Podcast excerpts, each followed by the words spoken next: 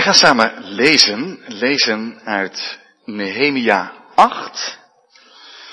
En wij lezen daarvan de versen 1 tot en met 13. Nehemia 8, vers 1 tot en met 13.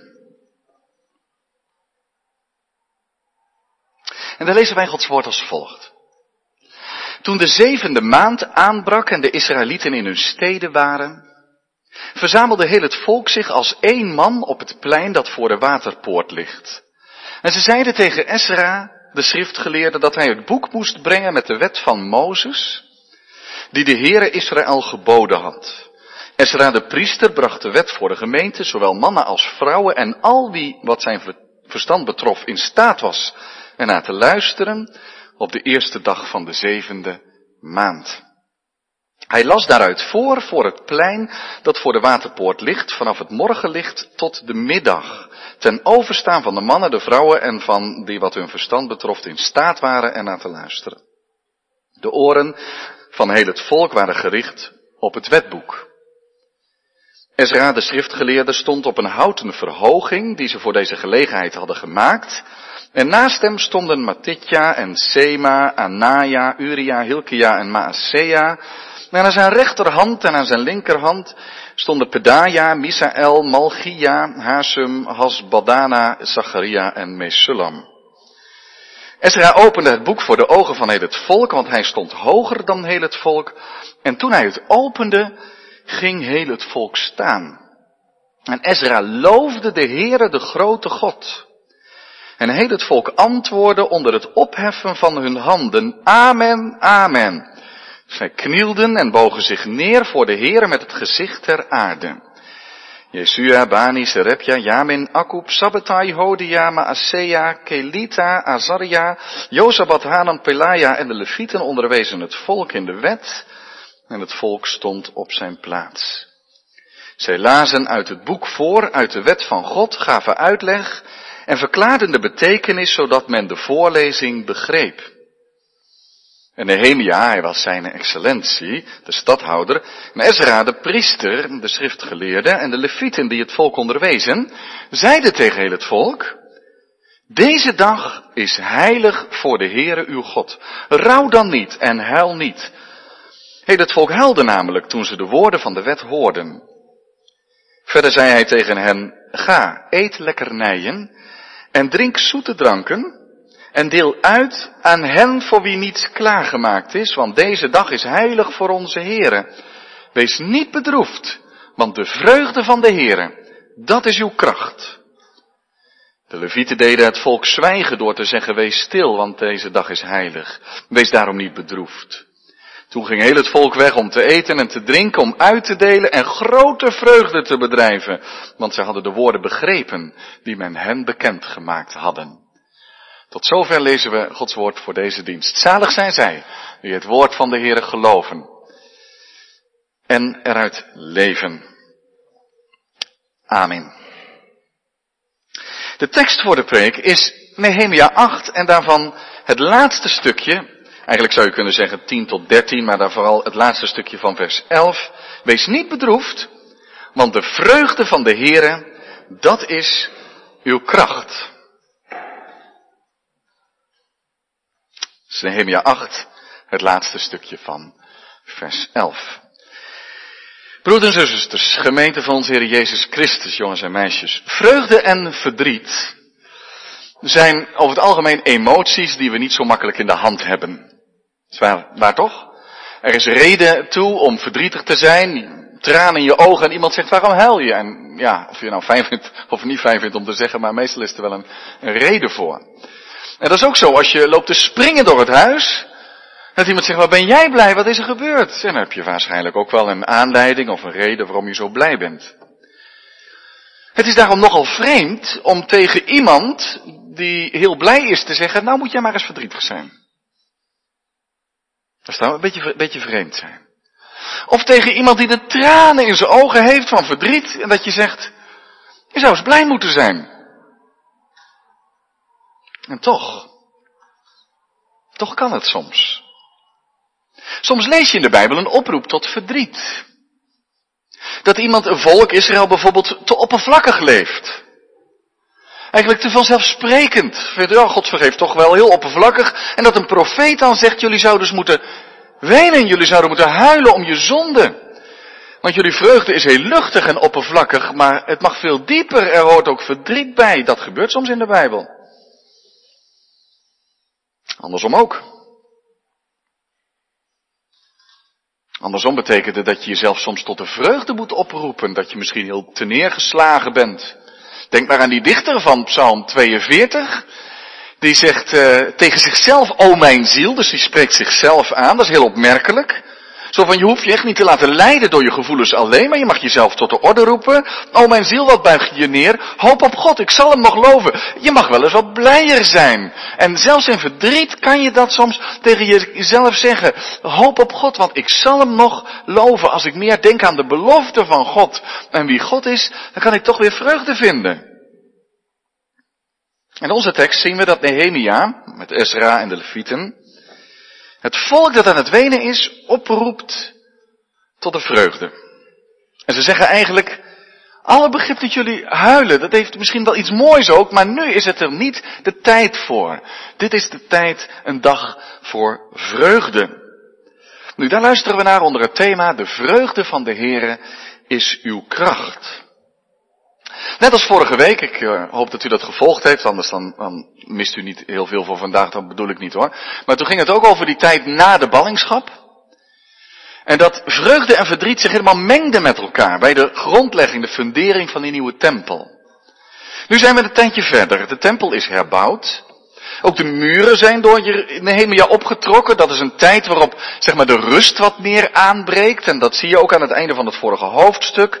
Dat de Israël in hun steden woonde. Dat klinkt toch heel vredig. Hè? Er is op dit moment niet zoveel meer te doen. Ieder woont in de steden. De rust is wat weergekeerd. Maar in het begin van hoofdstuk 8, je 8, lezen we dat ze opeens allemaal in Jeruzalem zijn als één man. Dus ze komen samen in, in grote eensgezindheid op een groot plein daar bij de waterpoort. Dus niet in de tempel, maar bij de waterpoort, waar mannen, vrouwen en kinderen, die het allemaal net een beetje kunnen volgen, aanwezig zijn. En daar is blijkbaar een bijzondere dag. Waarom zijn ze daar? Nu, het is de eerste dag van de zevende maand en ergens anders in de Bijbel lezen we dat het nieuwjaarsdag is. En het volk Israël moet gedacht hebben, we moeten dit nieuwe jaar wat we van God ontvangen, gezamenlijk beginnen. Dus we komen weer uit de steden, we komen in Jeruzalem, daar bij die waterpoort, en daar gaan we met God een nieuw begin beleven. Want dat we weer in Jeruzalem zijn, dat die tempel herbouwd is, dat is toch ook een nieuw begin. En dan moeten we juist, als, als die dag een feestdag, omdat we een nieuw jaar van God ontvangen, dan willen we dat met God doen. En dan staat er in vers 2, dat het volk tegen Ezra, de schriftgeleerde, zegt dat, breng het boek eens van de wet. Ja, ik denk dan als ik dat lees, daar kan een predikant alleen maar van dromen. Dat is toch prachtig? Dat je niet als predikant zegt, mensen, we moeten luisteren naar het woord. Maar die de predikant bij wijze van spreken, waar was Ezra, weet ik niet.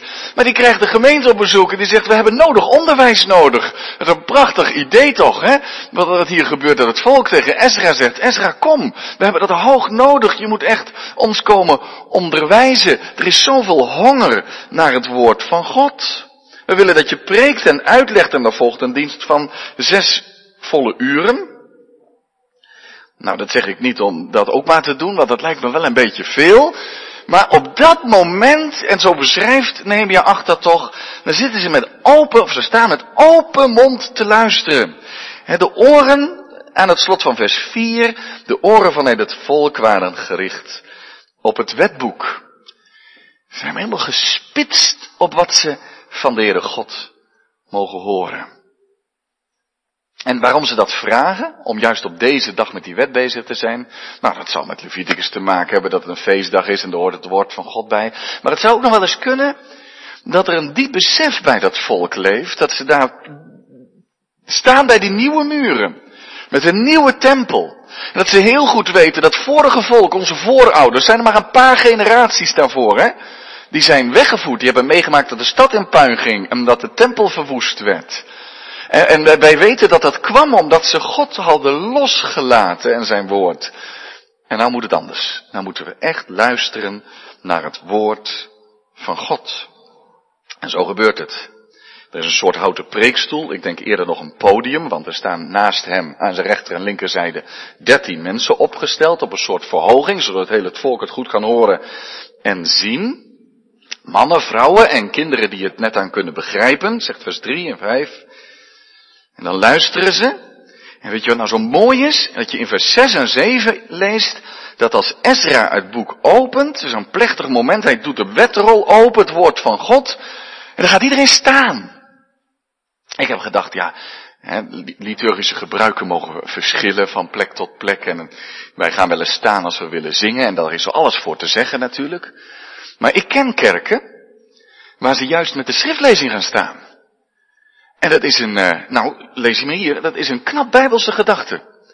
Daar spreekt heel veel eerbied uit. We gaan staan om te, en dan, als we nog eens naar de herziening van liturgische gebruiken gaan kijken, moeten we zeker deze twee versen meenemen, denk ik.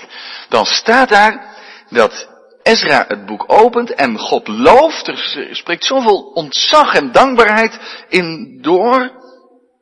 En het volk antwoordt erop met het opheffen van hun handen. Amen, amen, zeggen ze. Overgave, ontzag.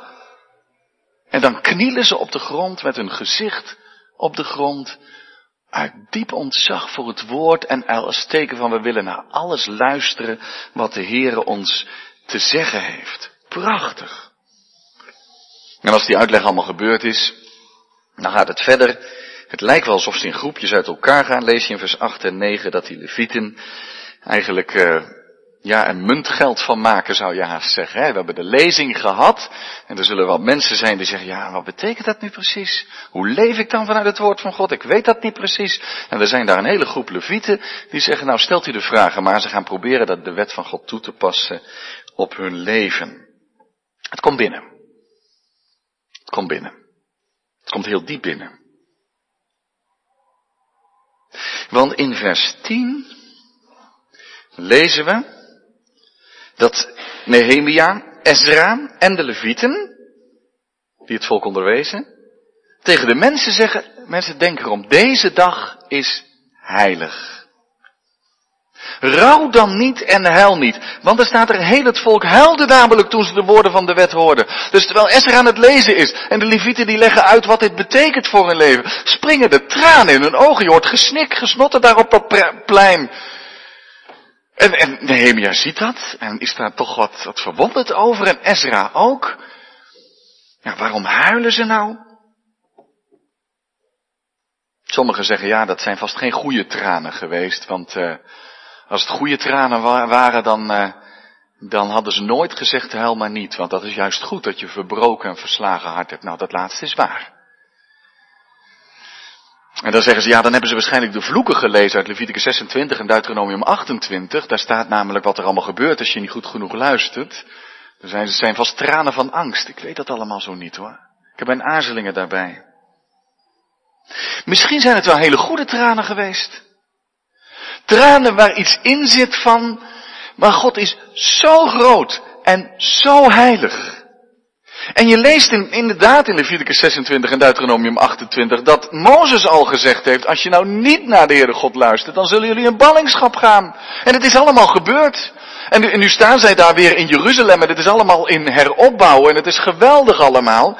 Maar als ze die wet van diezelfde heilige God lezen, dan komen de tranen in hun ogen, tranen waar het allemaal misgegaan is in hun leven. Dan staan ze, zo, zo lees ik dat maar, voor God in hun gebrek en falen en tekort en toch ook wel van, redden we dat? Want in de tijd van Mozes hebben ze ook gezegd, we zullen het allemaal doen. Maar er is niet zoveel van terechtgekomen. En, en nu zijn zij aan de beurt. En dan kunnen ze niet heel oppervlakkig zeggen, nee, dat doen we allemaal wel. Dan schrikken ze daarvoor terug. Denken ze bij zichzelf, als God zo heilig is. Hoe kunnen we nou voor God bestaan? Hoe moet dat nu? En misschien zijn ze wel bang om te hopen dat het lang goed gaat. Ze staan daar in ieder geval met tranen in de ogen. En daar reageren Nehemia en Ezra op en de levieten en die zeggen, en die tranen die mogen nu weg vandaag. Niet huilen, zeggen ze, niet wenen. Het is er de dag niet voor. Want deze dag is heilig. Het is een dag voor de Heer. Het is een feestdag. En op die feestdag zullen ze de Heer met hun vreugde eren en groot maken. En nu huilen ze. Ze kijken naar de donkere kant, die reëel is, die er mag zijn. Maar zeggen Ezra en Nehemia, dat mag de overhand vandaag niet hebben. Het is goed dat je treurt over je zonde. Maar stel eens voor dat wij het avondmaal zouden vieren vandaag. En dan zou de, de, alleen maar de schaduw van het verdriet over de zonde overheen vallen. We zouden allemaal bedroefd zijn. Ik zou dat een geschenk van de Heer vinden, enerzijds. Maar als het het enige is, dan zou je voorbij zien aan dat God werkelijk zijn zoon heeft gegeven. En dat God werkelijk vergeeft. En dan zouden we tegen elkaar moeten zeggen, huil niet, want brood en wijn spreekt ons van vergeving en van liefde. En daarom zeggen Nehemia aan de anderen, laat nu de vreugde overheersen. Want wij staan hier door Gods genade. Denk aan de grote daden van God. Aan zijn verbond. Aan zijn verkiezing. Aan zijn liefde. En aan zijn genade. En daarom zeggen ze in vers 11, geniet van deze dag. Ga, eet de zoetste gebakjes en drink de zoetste dranken. Zo staat het hè? En wees niet bedroefd, want de vreugde van de Heere is uw kracht. Wat betekent dat? De vreugde van de Heer is uw kracht. De vreugde van de Heer, is dat Gods eigen vreugde? Nou, dat kan. God verheugt zich in zijn volk, in zijn schepping. God verheugt zich in het vergeven, betonen van liefde, in gerechtigheid. God verheugt zich. Er is vreugde in het hart van God. Maar ik denk als je hier ziet dat het eerst om hun verdriet gaat en dan om die vreugde die ze moeten vinden, dat het ook gaat om vreugde in God. Dus de vreugde die je van God krijgt omdat Hij zo goed is. Dat je zelf blij wordt om wie de Heer is. Als je aan hem denkt en aan zijn woord en aan zijn belofte en aan zijn trouw en aan zijn daden. En mogen we zeggen aan de Heer Jezus Christus die hij gegeven heeft. En aan de Heilige Geest die hij heeft uitgestort. De vreugde van de goedheid van God. Proef en zie dat de Heer goed is. En die vreugde, staat er dan, dat is uw kracht. Letterlijk staat er, het is een vesting, een schuilplaats. Dat is apart, dat je in je verdriet mag vluchten naar de vreugde. Je zegt, ik neem mijn schuilplaats in de vreugde van God. Als Paulus later zegt, verblijft u altijd in de Heer. Dan mag een christen zich te binnen brengen. Wij ook vanmorgen. Dat je de vreugde niet vergeet als je verdrietig bent. En als je zorg hebt dat je die bekend maakt bij God met dankzegging, daar zit ook altijd iets van de vreugde in. Dat je oog houdt voor de belofte van God. Of verdriet en vreugde kunnen dicht bij elkaar liggen. Vorige week zagen we dat ze zelfs vermengd lagen. Dan mag je de dienst, maar ook in de viering van het avondmaal, verslagen harten hebben en tegelijk harten vol vreugde. Hier is dat ook zo, maar nu zeggen Nehemia en Ezra, laat de vreugde alsjeblieft overheersen. Het verdriet mag plaatsmaken voor de vreugde. Want die vreugde in God is tot eer van Hem. Dat betekent dat je zijn belofte op waarde schat. Wij mogen met vreugde tafelmaal vieren, met vreugde in de gemeente van God zijn, met vreugde tot Hem gaan in onze gebeden, want die vreugde is tot eer van de Heer. Die vreugde haakt aan bij wie God is en bij wat Hij geeft. Het moet naar de vreugde. Herkent u dat? Vreugde in God. Dank en aanbidding. Ja, verslagenheid van hart. En dan toch vreugde. Kijk, de tekst betekent niet, laat ik dat ten overvloede misschien er heel duidelijk bij zetten, dat je nooit verdrietig mag zijn. Of dat je nooit eens alleen met je verdriet kan zitten. Dat je zegt, de vreugde is heel ver weg, dat kan allemaal. En er is ruimte voor. Maar deze tekst zegt wel, de vreugde van de Heer kan een nieuwe bron van kracht zijn. Dat als je stilstaat bij de beloften, bij het evangelie van Jezus Christus, dat je ook in verdriet weer nieuwe moed krijgt.